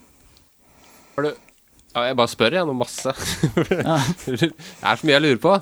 Eh, men er, er jo sånn, eh, etter at du ble, du ble med når du var 14, da, men er det på en måte deler av verden eller vann, elver, som du har på en måte oppdaga og dratt tilbake til aleine fordi det er svær fisk der, eksempel? Eller sånn Nei, altså Slovenia har jeg dratt tilbake på én sånn tur. Men det skal sies, da. Det er utrolig mye jeg skal gjøre når jeg er ferdig med å konkurrere. Um, sånn som det har vært, sånn som det har vært nå når man drar og kvalifiserer seg og drar eh, til internasjonale konkurranser, så koster det fra egen lomme. Det koster ganske mye fra egen lomme, fordi vi har ikke noe eh, støtte. Så, så det har blitt dyrt, og så må man ta mye fri fra jobb og sånne ting. Så det har liksom eh, blitt gjerne to uker i VM istedenfor eh, to uker i, på Cola eller sånt. Jeg har eh, for all del vært andre steder og fisket, sånt, men jeg har dratt veldig lite tilbake igjen til de destinasjoner. Eh, USA skal jeg tilbake til. Det er et av de feteste vassdragene og plassene jeg har fisket. Det bare grisefett. Hvor, hvor i USA var du? Jeg var i Colorado. I Vale eh, var vel egentlig hovedsenteret. da. Og så, så fisket vi Eagle River, som er en liten, eh, sånn vill, deilig elv med masse flott fisk og fantastisk teknisk strøm. Dritgøy å fiske. Så fisket vi en ganske monotom og kjedelig elv i Colorado River, som er mye større vassdrag. Og så fisket vi et tailwater som er hva heter Blue, Blue River. Den òg var, var jævlig kul å fiske, altså. Jeg liker jo elver når de har litt vari variasjon, så det blir litt teknisk. Kult. Hvis jeg har lyst til å delta i Norgescup eh, bare én på en, ett event, da, eh, Mm. hva gjør jeg da? Bare meld jeg på. Og så stille opp? Ja. Må jeg, være, jeg, jeg- må jeg ha et lag, eller noe sånt? Nei, uh, men det er lag. Men uh, hvis du ikke har lag, så kan du melde deg på individuelt. Det er, det er stort sett flere som melder seg på individuelt, og da, da sitter på en måte bare eh, Altså for at gruppene skal gå opp i likt antall, da, så, så blir man på en måte fordelt på et lag hvis det er noen som ikke har et lag. Sånt. Hvor mange er det som er for- eh, Hvor mange deltakere er det typisk på et, en, en, Norgescup? Ja, det varierer litt. Det er ikke så mange år siden jeg var konkurranseansvarlig. Da, da hadde vi i snitt eh, rundt 23 deltakere på Norgescup og NM, altså. Altså NM er alltid litt eh, høyere. Eh, Tobias, jeg syns vi skal melde oss på et lag. Det er stor sjanse for å havne inn blant topp 50. Ja, men det er det. Vi kan jo melde på Fisk og Prei, kanskje. Stille som Ja, ja, ja. Det syns Ja, jeg ja, ja. faktisk dere skal gjøre. Altså. Det er Ja, gøy, da. Og det, du møter masse sprø mennesker som bare er glad i Ja, og så lager vi feltpod. Selvfølgelig. Nei, det hadde vært, det hadde vært Jeg har tenkt på det før, men det hadde vært ganske artig å bare Bare se hvor man ligger, liksom. Ja, men eh, det, det er kult at du sier det, da. Eh, Det er veldig mange eh, Jeg skal ikke trakke noe salat her, men det, det er veldig mange som ikke tåler resultatet sitt, da. Ja, ja, men det, tror det, må man gjøre. Det må man gjøre. Man må tåle å se resultatet sitt, og så, og så jobber man ut ifra det. Jeg tror jeg har blitt dårligere å fiske med årene. For det har blitt bare mindre etter, jeg, Som student så fisket jeg jævlig mye, og så eh, Det var fiska sjøørret fire ganger i uka, ikke sant. Men eh, tenkte at eh, ja, jeg skal aldri slutte med det her. Og jeg skjønner ikke de som jobber og sånn, de, hvorfor fisker de så lite? Det er bare fiske. Men det blir jo sånn at du, det, det blir mindre, ass. I hvert fall når du bor her oppe i Lillehammer. Bare is eh, seks måneder av året. Ja. ja, det er ikke lett. Må komme deg til kysten. Jeg tror man det. Ja. Skal vi eh, fise videre, som du pleier å si, eh, Lasse? Ja, vi kan godt uh, fise videre. Hvis ikke det har noe mer uh, Det kommer sikkert inn på noe konkurran- konkurransefiske videre her, for uh, vi skal, tenkte vi skulle ha Eller vet du, vi kan ta faktisk eh, Før vi tar lyttespørsmål, så har vi jo Vi har vært eh, inne på det. Eh, og det er eh, Vi må snakke bitte litt om veig. Det må vi gjøre. Ja. Hva er det? Ja. Det er fett.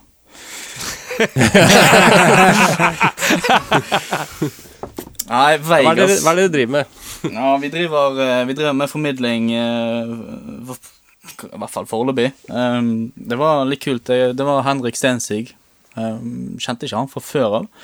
Før han eh, tok kontakt med meg i, i fjor Ja, det var vel i, rundt juletider i 2019. Og spurte om vi kunne ha et lite møte. Eller en kaffekopp. Tenkte jeg ja ja, det kan vi jo. Hvis ikke, hvis ikke helt hva han ville, men Skal date, liksom? ja, ja, jeg syns det var litt rart. Men eh, det var utrolig trivelig. Han presenterte seg sjøl som daglig leder i et eh, mediebyrå. Og sa at eh, han hadde lyst til å lage noe kult. eh, noe kult for fluefiske. eh, og noe kult for eh, Eller noe kult om fluefiske for fluefiskerne. Og da sa jeg rett og slett at det høres utrolig gøy ut. Det har jeg kjempelyst til å være med på. Jeg må bare se på timeplanen min.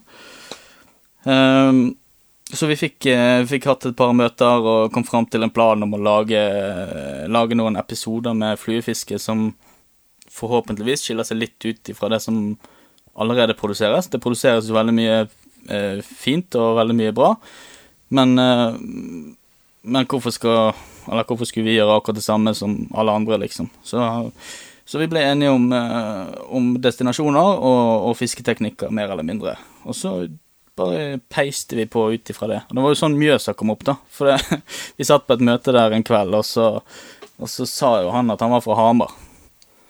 Og så er jeg bare ja, men da skal jo vi filme i Mjøsa. Det er ikke noe spørsmål engang. Jeg har hatt lyst til å gjøre det kjempelenge, og nå var jo en super anledning til bare å få gjort det.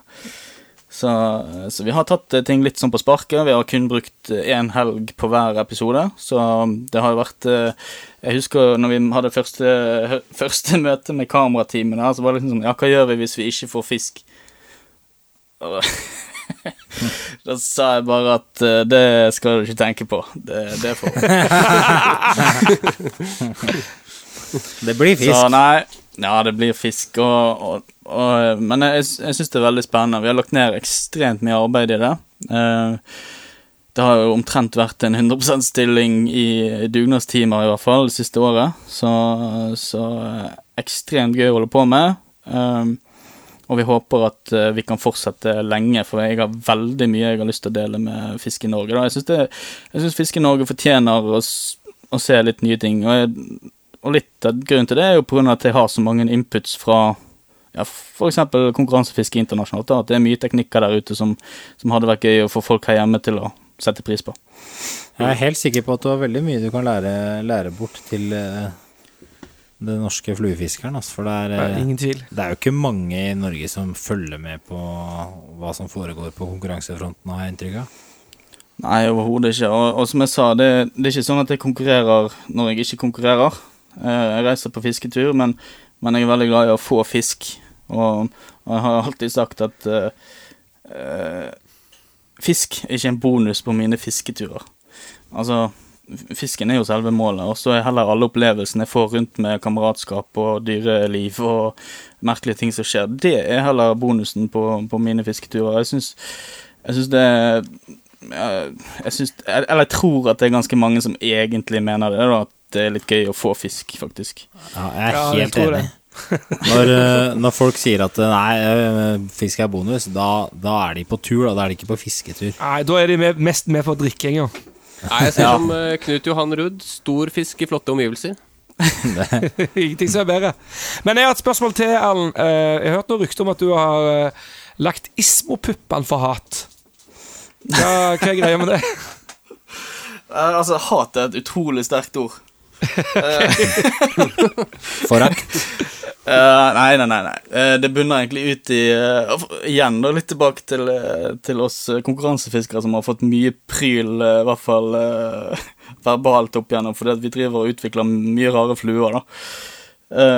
Og, og man kan trekke det stort sett parallell hver gang til det er en flue som, som går under vann. Det, det, liksom, det går ikke an å binde en eh, Det går ikke an å fiske med en markimitasjon, eksempel.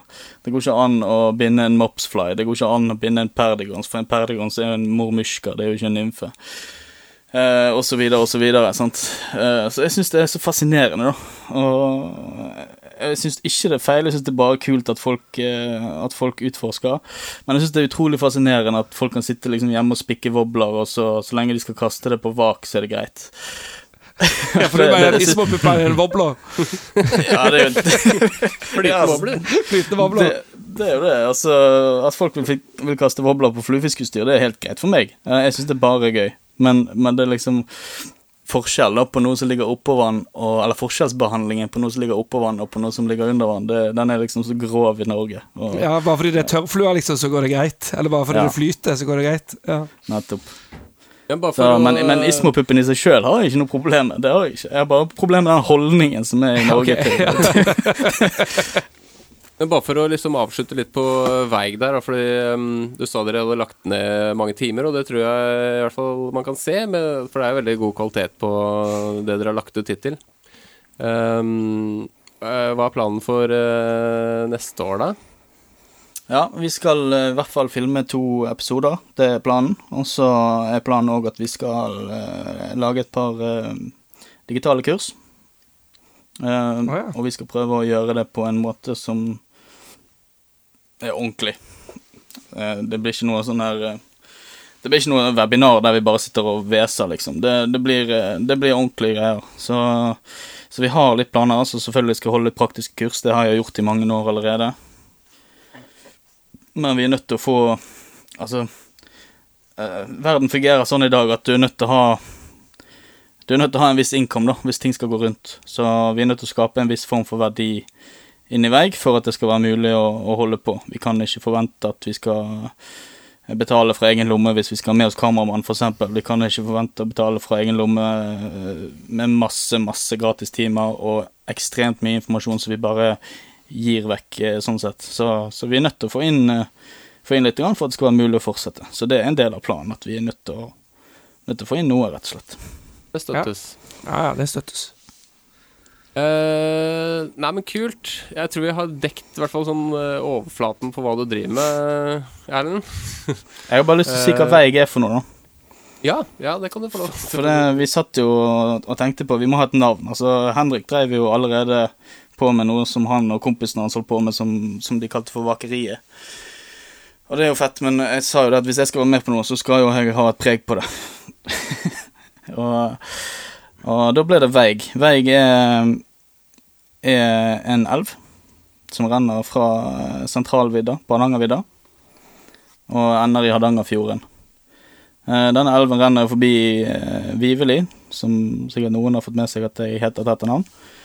Eh, så Veig er faktisk den første elven jeg Det er faktisk den elven jeg lærte å fiske i, da, av min eldstebror Tom. Så, så Veig står sterkt, og det har òg en, en fin betydning som heter seg sånn at uh, Veig er sterkt vann, eller hellig drikk. Aha. Så det var litt dybde i det, da. Det var ikke helt tilfeldig. Og dybde- Ja, det, ja, veldig bra.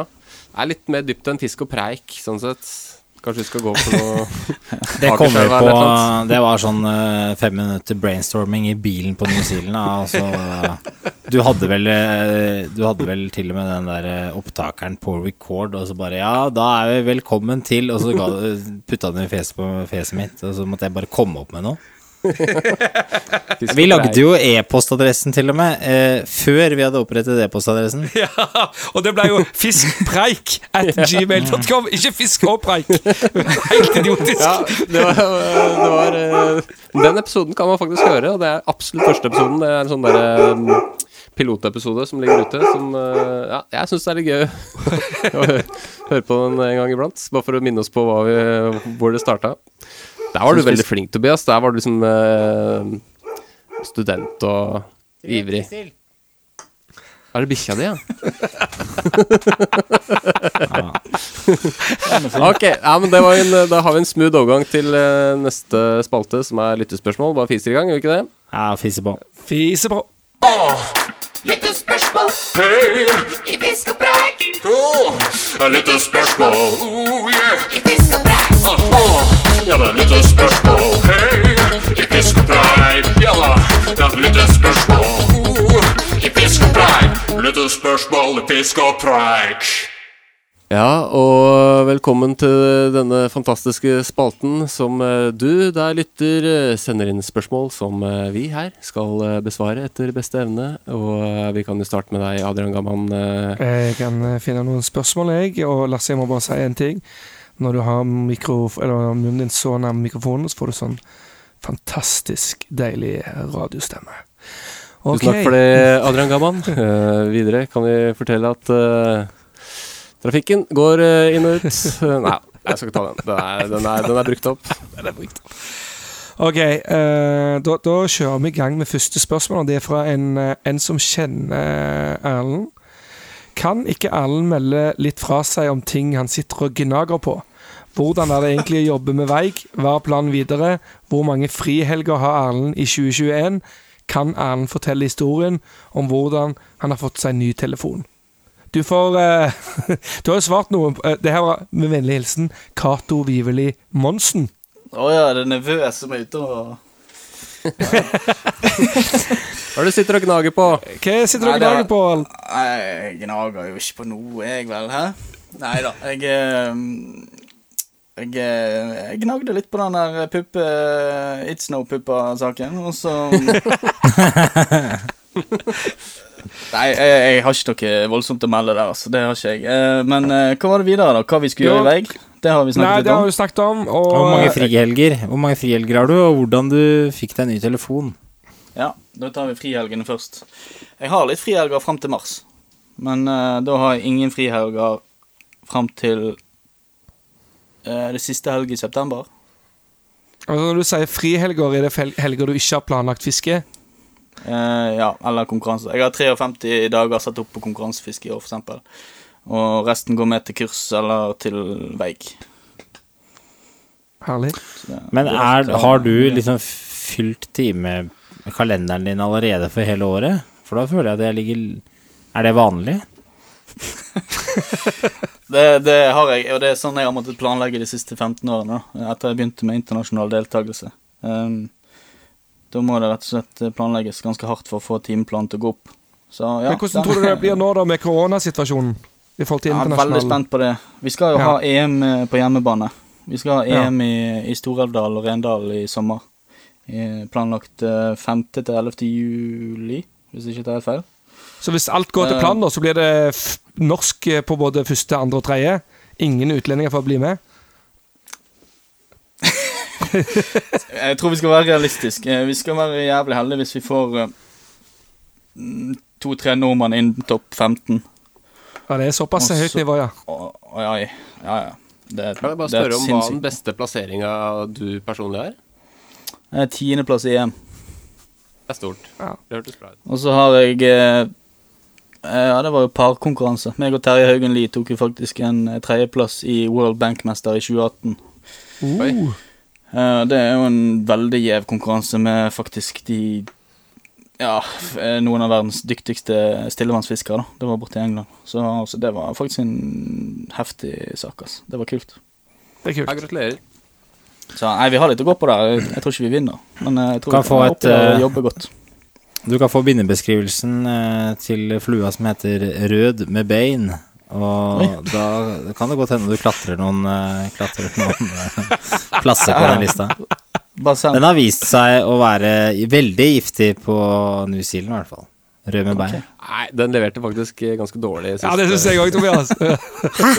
Han fiska best når beina var slitt av. Ja, det er fordi dere fiskeren har fiska den feil.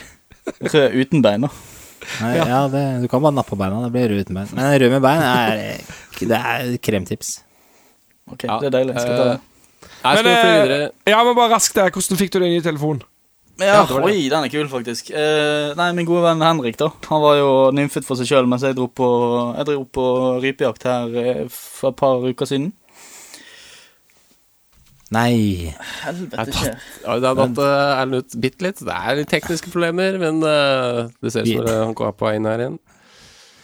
Vi, er, vi tar en musikkpause.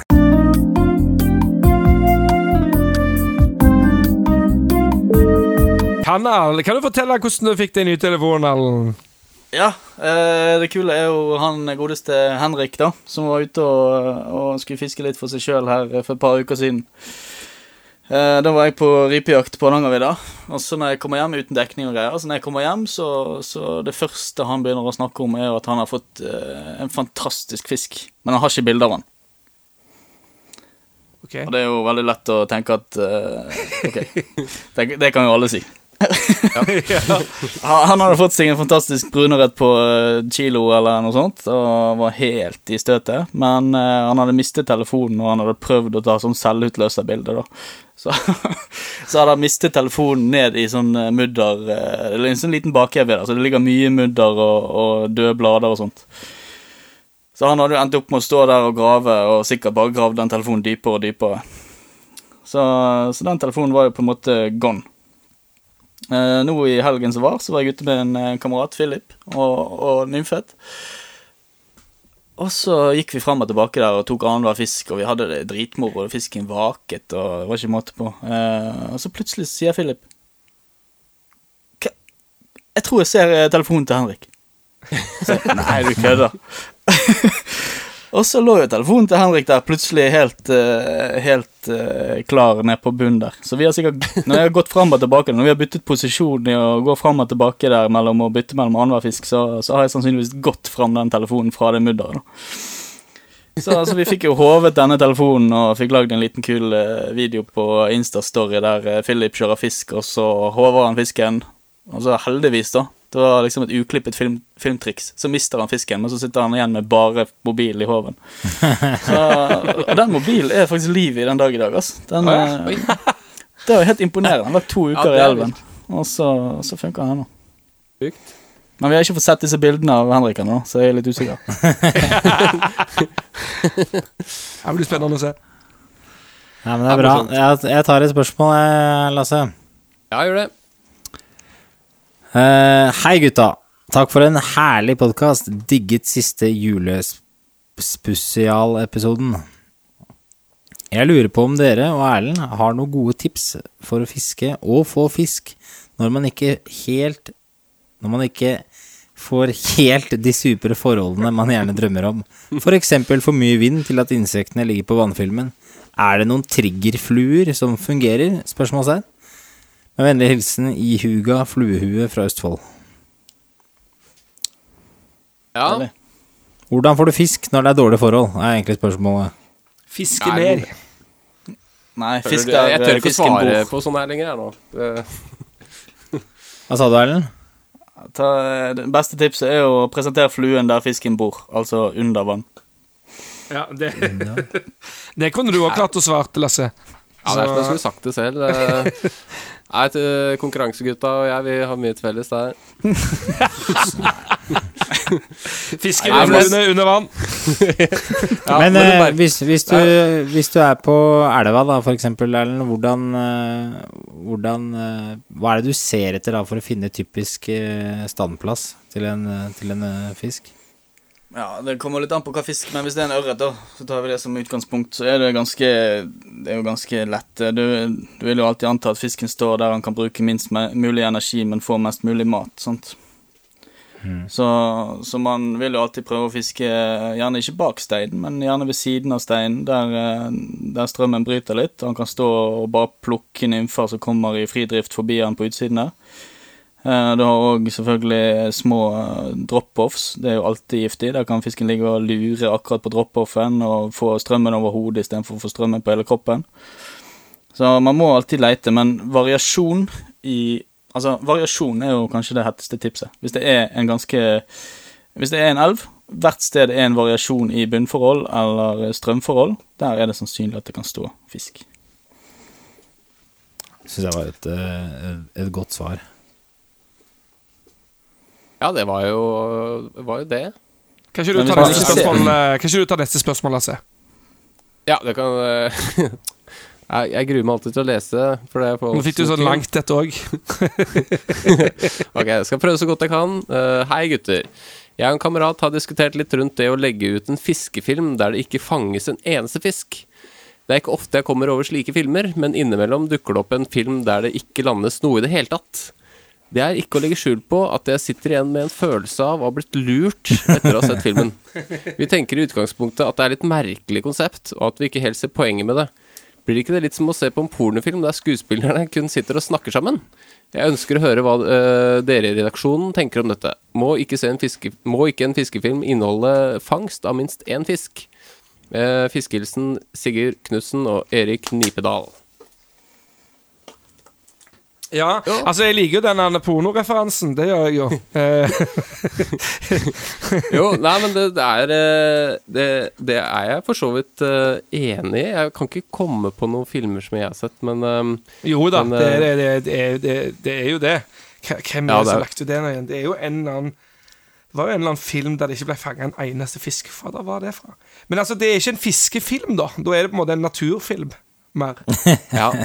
Men jeg lurer litt på hva er eh, Du, sitter, du kommer hjem etter fisketur, ganske sånn mislykka fiskemessig, du har ikke fått en eneste, eneste fisk, og så Nei, fy faen, nå setter jeg meg ned og redigerer, så får vi noe Dette blir bra greier.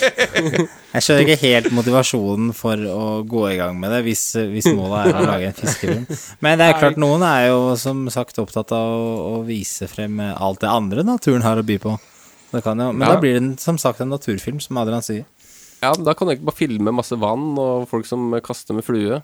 Eh, og så lage en story på det. Det funker sikkert bra. Det blir litt som ja, som man sier, en pornofilm der folk sitter og prater på hverandre og kaller det en pornofilm. Da. Sånn. Men, eh, men, uh, men jeg, sy jeg, jeg syns Altså Personlig så liker jeg at det ikke er altfor mange fiskesituasjoner i en uh, Ja, eksempel sånn som i Dere har balansert veldig fint i Veig, syns jeg. At det, er, at det er en rød tråd da, og en story. For det, Ja. det, personlig sier det meg ingenting å sitte og se på 70 takes og 30 fisk som ble dratt opp, men det er kanskje den ene fisken da som man har jakta på, eller eh, den ene spesielle situasjonen som man var ute etter. da. Og selv om det kanskje er løgn, så er det i hvert fall mye mer eh, interessant å se på en klipp som er eh, presentert sånn, da. Jeg er helt enig. Er, jeg er òg helt enig i det. Så det men, eh, men altså, en fiskefilm uten fisk kan jo være utrolig kul hvis bare innholdet er godt nok, da. Si at, Ja eh, si at Aune og Alex hadde gått sammen om å lage en fiskefilm. Ja, det hadde blitt. Tenker du på sand og rosén? Og Alex Rosén. Ja. Ja, har dere ikke sett den eh, nye serien deres? De har jo en ny serie der de er oppe i bleik eh, og henger. Jeg rådigger den, faktisk. Jeg har sett på alle episodene. Helt ellevilt. Ja. Nei, men uh, ja, jeg vet ikke om dere har noe å legge til, jeg. Nei. Skal vi bare kjøre på med spørsmål til, eller? Ja, vi gjør det. Vi gjør det. Uh, Tobias, har du lyst til å ta et? Hei gutta, deilig å ha dere tilbake igjen. Det setter vi pris på, Emil. Det er hyggelig at du sier. Lyttespørsmål, særlig til Erlend. Kunne du fortalt litt om hvordan man driver bøsserfiske med flere fluer, og hvordan man setter opp en slik rigg? Parentes, fortomtykkelse, avstand mellom fluene, osv. Digger Veig-episodene og håper på flere. Med vennlig hilsen Emil. Ja, tusen takk eh, for fin tilbakemelding, Emil. Eh, Det du spør om nå, det er ganske Mye. det det fins Det er en, halvtime, det. Det er en halvtime. Ja, lett en halvtime. Kanskje en time. Eh, Men, eh, men det fins jo måter å gjøre det veldig enkelt på. Men det jeg kan si, er at vi skal, hvis ting går etter planen, så kommer vi til å lage en Buzzer-episode nå i vår. Eh, og det er jo uh, noe av det feteste fisket jeg vet Altså sånn Helt klart. Det, det kommer til å bli dritfett hvis vi får litt forhold. Og, og da kommer vi òg til å gå gjennom rigger og sånne ting. Men eh, jeg kan si veldig enkelt at uh, Ta den enkle biten av bøssafiske, da, som er overflatefiske. Altså der man fisker på vakende fisk som går og super myggpupper ja, 5-10 cm under overflaten, men man ser stort sett vakene. Da. Eh, da, da sitter jeg veldig ofte i bellybåt, for eksempel. For da kan man enkelt justere seg og kaste på vak. Eh, fortommen da er da rigget som en nesten hvilken som helst tørrfluefortom, rett fra flytesnoren med en tapert eh, tapert fortom på gjerne 12 fot. Og så går man ned på et tippet, og da er jo selvfølgelig dimensjon ut ifra fiskestørrelse. Jeg eh, fisker jo alltid forsvarlig, men så, så tynt som mulig. Veldig ofte så ender jeg da på en 5x, 6x. Eh, og kjører da ca. Ja, hva skal vi si, cirka en meter fra den taperte lideren til eh, første flue, som jeg eh, som jeg lager med en uh, kirreknute, der jeg lar eh, den ene hempen, eller den ene tampen være igjen. Der knyter jeg veldig ofte hvilken- på en eh, Hvilken tamp lar du være igjen? Den som stikker opp eller ned? Jeg kjører den som stikker opp. Det er en eh, diskusjon på det der, altså. Uh, den som stikker ned, er litt sterkere, men, uh, men jeg bruker jo fortomsmateriale av kvalitet, så jeg er ikke noe redd for å bruke den som går opp. Den, den stikker litt mer ut fra fortommen, og det er det jeg liker med den. Uh, men her henger jeg alltid en, en myggpuppevariant, det vil si en dialback. Uh, Ca. 1,5 meter videre, altså som endeflue, så hiver jeg på en myggklekker. Så da fisker jeg altså en tørrflue ytterst, altså en puppe innerst. Og i praksis så blir det da Ja, det blir en washing line, som de kaller det i England. Der, eh, der eh, på en måte den puppen i eh, øverste puppen der, den blir hengende som en puppe. Perfekt eh, 10-15 cm under overflaten, suspendert mellom en tørrflue ytterst og flytelinen som er på innsiden. Det er rart ikke et sånt oppsett egentlig er mer liksom, kjent Eller det er jo sikkert mange som bruker det i Norge, da, fordi etter en eh, lang vinter eh, så, så har jo de fleste fluefiskere er jo veldig tidlig ute, rett etter isgang, og det er jo da det fenomenet dukker opp, har jeg inntrykk av. Men det står jo alltid ti fluefiskere rundt, rundt det samme vannet og ser like dumme ut og kaster på vak, og fisken tar ikke. det er liksom Det er, det er korrekt. og det, for meg så er- jeg, jeg har ikke Jeg, jeg oppdaga det på en måte ikke, for ikke sånn altfor lenge siden selv, at det var jo under vann den tok, på en måte. Det var en veldig stor åpenbaring, men det er veldig rart at ikke det er gjengs, på en måte, da, siden det er så mange som er ute i marka på den tida. Kan jeg få si noe? Det, det som jeg, jeg ser går igjen, det er jo at eh, folk fisker altfor små mygg. For det første. De driver jo og prøver med sånne 16 og 18 krok, uh, tuller med det. Det er ikke vits. Eh, de der første myggene som, eh, som kommer etter isgang, og i hvert fall larvene, er halvannen centimeter lang. Så du kan enkelt fiske en krok 12. Å, En, enkelt eh, fiske en ny krok info. 12. Veldig godt tips. da. Men det Nei, er, men det- det, det er det er kult fiske, spesielt når du får det til.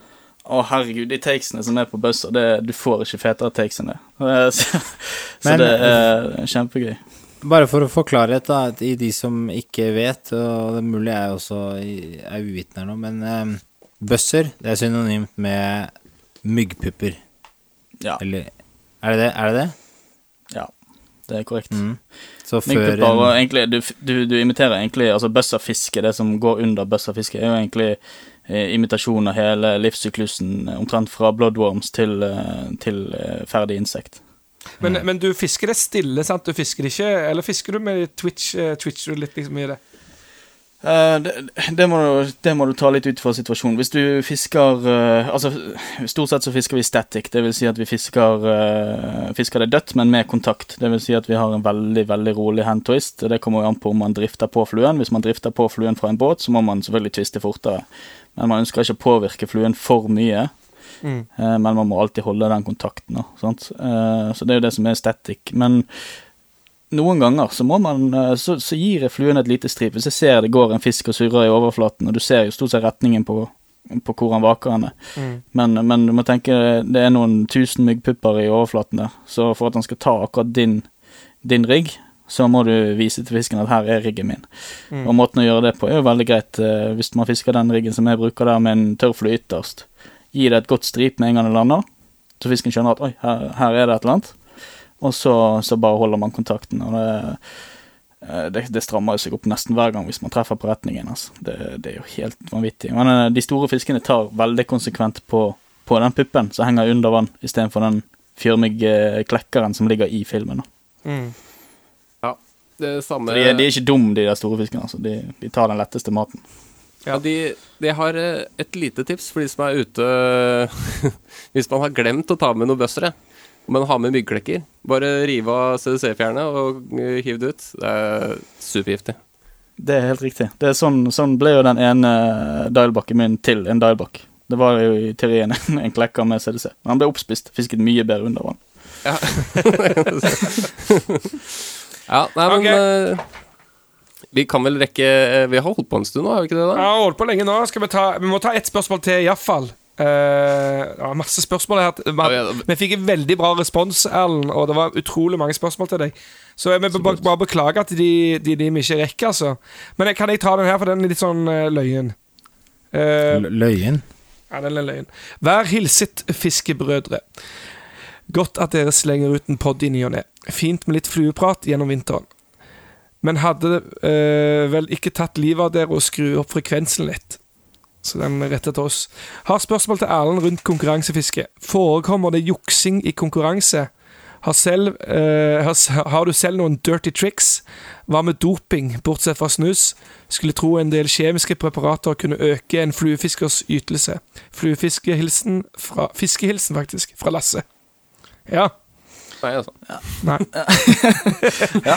Uh, internasjonalt så har vi dopingtest, så Har dere så det? det, ja, ja, så det, er dope seg. Ja, for hvis du går på speed og fiser Ja, gjennom elva som en eh, kanin, ikke sant, da har du et eh, fortrinn. Ja, jeg vet- ikke, jeg. Det handler jo litt om å holde konsentrasjonen oppe òg, i, i mange timer. Så hvis man er helt ute, og så eh, Hvis man har ADHD og sånne ting, så kan man òg slite fordi at konsentrasjonen eh, må jo faktisk være til stede. Så jeg vet ikke helt. Eh, Du, du kunne tjent litt på, på intensitet, men eh, du må konsentrere konsentrere Kanskje det har vært en fordel å røyke litt hasj og ta, ta det rolig, gå litt rolig ikke så stressa gjennom eh, Kanskje. Ja. Uh, men nei, doping tror jeg det er lite av. Uh, Ja. Uten at jeg skal si det helt sikkert. Uh, det er sikkert noen som klarer å snike seg under radaren der òg. hva var det andre? Det var Juksing. juksing. Juksing. Ja, det, det hender jo at folk fisker eh, hva, eh, skal jeg si eh, tilfeldigvis med en mottakskrok. Eh, og det, er nok like ofte et uhell som, et forsøk på juks, da. Jeg må bare si at de, de, de blir, de krokene som blir produsert som mottakløse kroker i dag, de kroker er bedre enn hvilken som helst mottakskrok uansett, så det er bare dumt å holde på med. Men, men det har forekommet, for det var en overgangsfase der vi gikk fra vanlig krok til, til f.eks. Eh, eh, mottaksløs kroker. da. Det har forekommet, eh, men det er jo kontrollører, og man kontrollerer jo, i Norge så kontrollerer man hverandre. Så man har på en måte rett til å se riggen og, og sånne ting, men eh, det er, det er utrolig lite juksing. Det er det. Det er alltid noen som pusher grensen i, internasjonalt, for det er stor prestisje det er stor prestisje å vinne et VM i fluefiske for enkelte land. Noen, noen lag har jo statsstøtte og, og er semiprofesjonelle på dette, sant? så det, det å vinne for laget sitt det har mye å si, og det, noen ganger så, så pusher de grensen ned i det vi kaller for buffersonen, som er overgang mellom to soner. Men, eh, men stort sett så er det utrolig lite juksing. Det er det. Og det, og det, blir, og det blir som sagt kontrollert, da. Sant? Ja. Så det, det er vanskelig å jukse òg. Ja, ok. Det fins ikke noen sånne fancy briller med liksom uh, En slags sånn derre uh, Fisken er jo veldig kald, altså. Jeg vet ikke om det hadde funka med sånn uh, Varmesøkende briller, liksom. ja, varmesøkende briller. Men det hadde jo vært ganske vilt, da. Jeg har tenkt mange ganger at det burde være sånne Ja, sånne piler som du får på Fifa sånn over spilleren. og Sånn, sånn burde det vært ute i elven, der du kan se hvor fisken faktisk står. og sånne ting. Ja, får dere sånne tvangstanker? Ja, sånn, apropos det der. Jeg, jeg, pleier stå, jeg pleier å tenke varmesøkende briller hvis jeg står ved et vann eller en elv, da. Så, så, og det ikke skjer noe, så pleier jeg sånn Ok, hvis det er fisk her, hvor mange fisk er det her? Tenk å ha hatt sånne briller. Hadde jeg liksom sett altså, Hadde det vært mulig, liksom? Og hvor eh, Ja, ikke sant? Jeg tenker det er veldig sjelden i konkurranse, men jeg tenker det veldig ofte på sjøørretfiske, der jeg står og føler at det er alt perfekt. Og så tenker jeg eh, liksom altså, Hvor mange hundre sjøørret har egentlig sett fluen min i dag uten å gidde å ta den? Så. Så, så det er stort sett på de øktene der man står og denger at man får sånne ideer. Det er noen sånne eh, ganske kule klipp, apropos det, det der, så er det noen ganske kule klipp fra de der danske havørretfilmene, hvor undervannsvideoer. Hvor du bare ser at eh, fisken bare står nærmest og hviler og ikke er interessert i, i noe av det som kommer forbi. Det er, det er nok eh, Når du står i sjøen og ikke ser så mye, så er det nok mange som tenker at nei, her er det ikke fisk. Men eh, det er nok ganske ofte feil, tror jeg. Ja, det, det er jeg helt sikker på. Skal vi ta et siste spørsmål, eller? Ja, ta det siste, da. Jeg skal ta en Det absolutt siste. Fra, det er fra Bjørnar Netland. Han kjenner du. Ja, Han eh, spør hvorfor, hvorfor Han spør på Facebook Hvorfor ble jeg mobbet hvis jeg bruker indikator, eh, parentes dupp, når jeg kjører nymfefest? Typisk sånn der Netland-spørsmål. ja, ja. Vi var jo litt inne på det innledningsvis, da, når vi snakket om eh, nymfefiske og, og dupp eller ikke dupp. Ja. Men eh, Nei, det blir mobbet fordi at det er latmannsfiske. Det sa jeg jo i sted. Altså, det er veldig enkelt og, og greit. Det, er litt, det er litt sånn som tørrfluefiske. Tørrfluefiske òg er jo veldig latmannsfiske. Du, du ser hvor fisken står, sant? og du ser at han beiter, og du ser hva han beiter, og du ser til og med når han tar. Så, så det blir litt det samme hvis man fisker med dypt. Da Da har jo man full kontroll på, på driftet sitt, og man får, eh, får veldig klar indikasjon på når man skal gjøre tilslag, og, og alle den, den type ting. Men jeg sier ikke at det er dumt å gjøre det. Men altså, en fisker som Bjørnar vil nok bli mobbet av meg, da. Eh, Det vil han. Men apropos, fisker du noen andre arter, som f.eks. laks eller gjedde eller ja. Ja, altså, sommerhalvåret det, det er jo supertravelt, så jeg rekker aldri så mye som jeg har lyst til å rekke. Men, eh, men jeg fisker litt laks. eh, Stort sett smålaks i, i Finnmark og sånn. Gjedde har jeg ikke hatt tid til å begynne med. Og vi har jo ikke sånn voldsomme gjeddevann her på vest heller, da. Så, så det blir heller eh, Altså, i, april og, og sånn, så blir det heller sjøørretfiske og bøsserfiske enn gjeddefiske. Det blir det. Cool. Um, ja, har vi vel uh, flydd gjennom uh, det meste her, har vi ikke det, gutter? Ja, det, vi har det. Vi, vi har en spalte til. Uh, vi har kanskje ikke forberedt deg på den, men det, det kan du tenke på under jingeren her. Det er en eh, spalte som heter episodens anbefaling, og da er det om å gjøre å komme med en anbefaling. Det kan være hva som helst. Alt ifra franske pornofilmer til norske Snickers, snickers på tur. Ja, snickers, det er snickers på tur. Jo, jeg har en anbefaling. Ha med snickers på tur. Fiskerusletur. Jeg skal anbefale et uh, nytt produkt. Og det eneste gode rådet jeg til det, det er å være sterk i trua. Franske bakvarer. Croissant. Croissant. Jeg vil faktisk anbefale fisk og preik. Jeg vil uh, faktisk anbefale Fisk og preik. Ja, den er gøy. Ja, det, det, er, det er herlig å ha med Kristoffer Løvaas uh, nesten hver episode. Er det noen som føler seg kallet til å komme med en eh, liten anbefaling, eller? Før du Ja, jeg har en anbefaling, og den er jo utrolig sterk òg. Ja, kjør. Ja. Eh, det er rett og slett uh, Aune og Alex, altså. Det er Aune og. Alex på, på Bleik. Ja, Det- det er bra. Meg og Henrik uh, var på tur i helgen, og vi, vi så eh, 14 episoder på rad der, tror jeg. Dårlig Nei, det fiske. helt fantastisk. Det Helt sies at det er veldig korte episoder, dessverre. Ja, Men det er litt kort, grisebra. Støttes. Hvor, hvor ser man dette her? Nei, jeg har sett det på Sebra sånn innimellom, men jeg tror det går på Sumo eh, hvis du vil se alt. da. Ja, og hvis de, for de som har Get, så kan du bare gå inn på Get-appen, eller Telia er det vel nå, da, og så kan du søke opp Aune Alex for alle episodene. Og bare streame i vei. Ellers så Jeg har en litt tilsvarende anbefaling. Eh, og den er så god. den er også streamingbasert, for man ser jo alt av serier nå. Så vi så her i huset så vi en serie som heter Vår tid er nå. Det er en svensk serie på, mm, som ligger på NRK nett-TV. Den går snart ut, så må forte dere å se den. Men der dukker Adrian Gamman opp! Det er helt sjukt.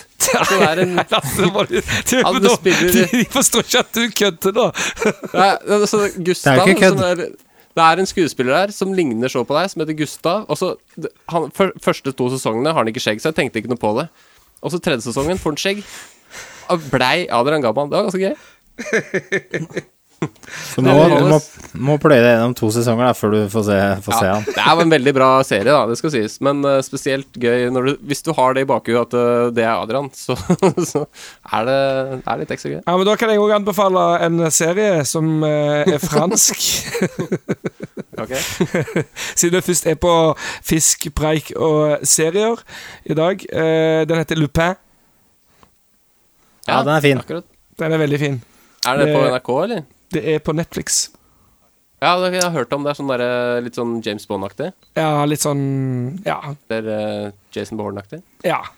Kanskje litt sånn Jason Bourne uh, møter uh, Sherlock Holmes, eh, møter eh, Ja, litt forskjellig. Men kul serie. Jeg vil anbefale uh, Det her er dagens beste anbefaling. Og det er eh, Det er, det er fare for at det er litt sånn uh, selvreklame, er det det heter.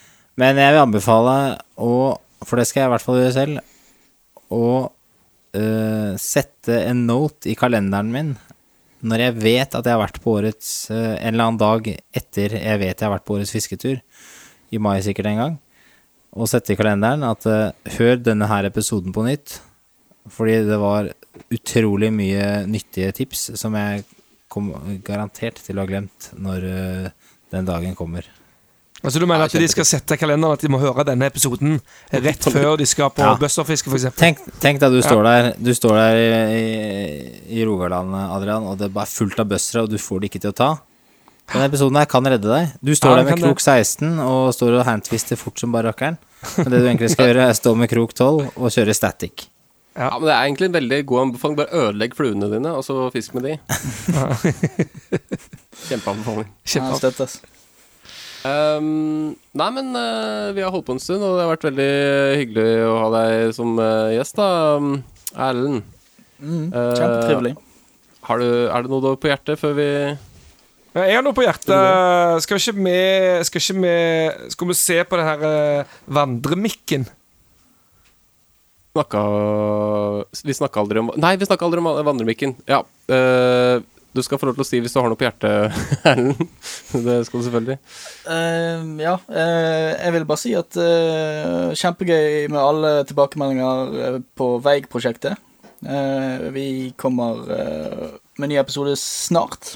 Og så syns jeg det er kjempetrivelig å være med på Fisk og preik. Utrolig gøy å bare preike skit når man ikke kan fiske. Det er ikke bare skit, vi har preket litt fisking òg, faktisk. Så, Litt, men, ja, eh, ja. Ja, men det er hyggelig. Um, og så har du jo en mikk hos deg. Det er på en måte en slags uh, et, uh, du, du får hedersprisen i Spellemann, ikke sant? og den, uh, den må du gi fra deg uh, året etterpå. Det er litt samme konsept, bare at her må du gi den mye fortere fra deg, da. uh, til neste gjest. Um, okay. skal jeg du gravere kan- den først, da, eller? Uh, ja, du, ja, du kan jo skrive Ja, vet du hva? Skriv autografen din på den. Det er litt gøy. Ja, det er kult. Ja, det er gøy. Ja, Og så må du desinfisere den, så ikke vi sprer noe mutantvirus. Ja, sånn bergensk uh, faenskap. uh, nei, men uh, konseptet er i hvert fall at den mikken eh, skal vandre videre, da. I hvert fall eh, nå som koronaen er på det verste, sånn at en ny gjest kan eh, overta. Og den trenger du ikke å svare på sånn med en gang. Eh, så det kan vi Det finner vi ut av i neste episode, eller eh, når den mikken er Hvor vandremikken har gått. Hvor har vandremikken gått denne gangen? Lytterne kan jo sende inn forslag da, til hvor vi skal sende vandremikken. Det er også litt uh, artig, da. Ja, men veto er hos Erlend. Er det noe du syns er greit, eller? Ja, så har dere hatt Bård Tufte på, på luften? Nei, vi har ikke det. Vi har, jeg har sendt noen mail til den. Nei, men bare send den mikken. Han tar sikkert hintet mye bedre enn meg. Vet ja. ja vi, kan, vi kan se om vi kan prøve på det, men vi kan ikke love noe. Send til Bård Tufte. Ja, Vi prøver, vi prøver å se hvordan det går. Ja, men kult. Da har vi et eh, konsept der, så får vi se hvor den dukker opp, og så mm, ses vi, snakkes vi neste episode. Tusen takk for at du var med, Erlend. Det var utrolig interessant. Og jeg er sikker på at veldig mange lyttere også har lært masse og fått eh, masse morsomme ideer nå før neste sesong. Så det var Ja, så veldig mye informativt og, og bra. Ja, det er bra. Takk skal du ha, Erlend. Takk for okay. at jeg fikk være med. Takk for i dag, gutter. takk Takk for i dag. Ha det Ha bra. det. Ha det. Ha det.